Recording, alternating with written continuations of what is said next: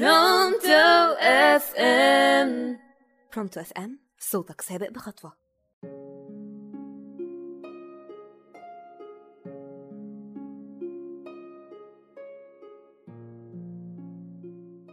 مساء الخير عليكم. أهلا بيكم مستمعي راديو Pronto. معاكم صابرين في برنامج مع الوقت. وحلقة النهاردة بتتكلم عن فقدان عزيز. بنتعرض لأزمات كتير في حياتنا. بتسبب لينا شعور بالقلق أو بالخوف أو بالاضطراب. النهاردة هنتكلم عن نوع معين من أنواع الأزمات دي وإزاي نقدر نتعامل معاها. ألا وهي فقدان شخص عزيز عليك. الشخص ده ممكن يكون حد من قرايبك أو من صحابك أو حبيبك. طبعا مفيش أصعب من إنك تفقد شخص عزيز عليك للأبد وده بيكون تحدي صعب جدا في كتير من الناس ما بتعرفش إنها تتعامل معاه لأنهم في الوقت ده بيكونوا حاسين بالخسارة. عايزة أقول لكم إن مفيش طريقة معينة تقدر إنك تتعامل بيها مع موت شخص عزيز عليك. مفيش طريقة صح وطريقة غلط لأن كل شخص في الدنيا دي ليه ظروفه ومشاعره اللي بتكون مختلفة عن غيره. أهم حاجة لازم يعرفها أي شخص بيمر بالموقف الصعب ده إنه مش لوحده ولو احتاج المساعدة من أي حد أو الدعم المعنوي من حد هيلاقي أكيد اللي هيكون واقف جنبه. هتكلم معاك دلوقتي عن كذا طريقة تساعدك إنك تتجاوز بيها الحزن ده. وأولهم هي إنك لازم إنك تتقبل مشاعرك. المشاعر دي ممكن تكون إنكار للموت أو صدمة ومشاعرك بتكون متخدرة أو إنك تقنع نفسك إنه كان في كذا طريقة تقدر تنقذ بيها الشخص ده من الموت أو إحساسك بالندم لأنك اتصرفت تصرفات سلبية تجاه الشخص ده في يوم من الأيام أو الاكتئاب أو الغضب. كل دي مشاعر لازم تقبلها زي ما هي لأن تقبلك ليها بيحل نص المشكلة. وده بيخليك بشكل كبير تتجاوز المحنة دي في أسرع وقت. عايزة أقول كمان إن طبيعي إن أي شخص لما بيفقد حد عزيز عليه بيحزن عليه فبلاش تتضايق من نفسك لأنك حاسس بده. وما تقولش لنفسك جمل زي أنا هعدي الموقف ده أو إن أنا لازم أكون أقوى من كده.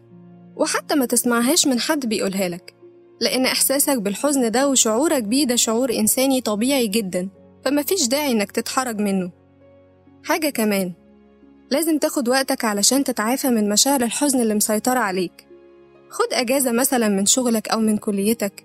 خصص وقت تقضيه مع أصحابك أو عيلتك عشان تاخد الدعم منهم. وبقول كده لأني بشوف ناس كتير بيبعدوا عن حزنهم بإنهم يشغلوا نفسهم بحاجات تانية. طبعا أكيد دي حاجة كويسة لكن هترجع تعيش مشاعر الحزن من تاني أول ما يكون عندك وقت تقعد مع نفسك فيه. فلو أخدت وقتك علشان تتعافى مع الوقت هتكون أحسن. وهتحس بمشاعر الرضا بدل الحزن. وقصدي هنا الرضا بقضاء الله وقدره. كمان حاول إنك تفكر بإيجابية تفتكر بيها الشخص اللي توفى. أكيد هتمر عليك جمل زي الحياة ما بتقفش على حد أو لازم الحياة تستمر لكن ده مش معناه إنك تنسى الشخص اللي مات وكأنه ما كانش موجود. بالعكس افتكر أوقاتك اللي كنت مبسوط فيها معاه.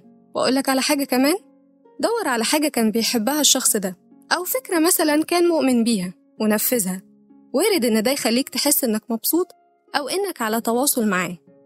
وطبعا الأهم من كل ده إنك تقرب من ربنا. طبعا مش محتاجة أقول إنك لما تقرب نفسك هتهدى وقلبك هيطمن وهتفتكر دايما إن الموت حق وإن ربنا بيختبرنا في صبرنا على الفقد. اسمع قصص الناس اللي حواليك اللي مروا بنفس التجربة ونجحوا إنهم يعدوا الأزمة دي. ده هيساعدك كتير إنك تخفف من آلامك لأنك هتحس ساعتها إن فيه اللي عانى زيك.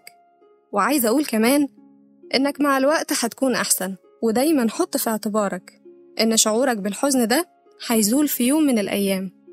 والشخص اللي توفى هيكون ذكرى حلوة في حياتك. وآخر جملة هختم بيها الحلقة وهي مثل فارسي بيقول إن الحياة حلم يوقظنا منه الموت. وللأسف دي كانت نهاية حلقتنا.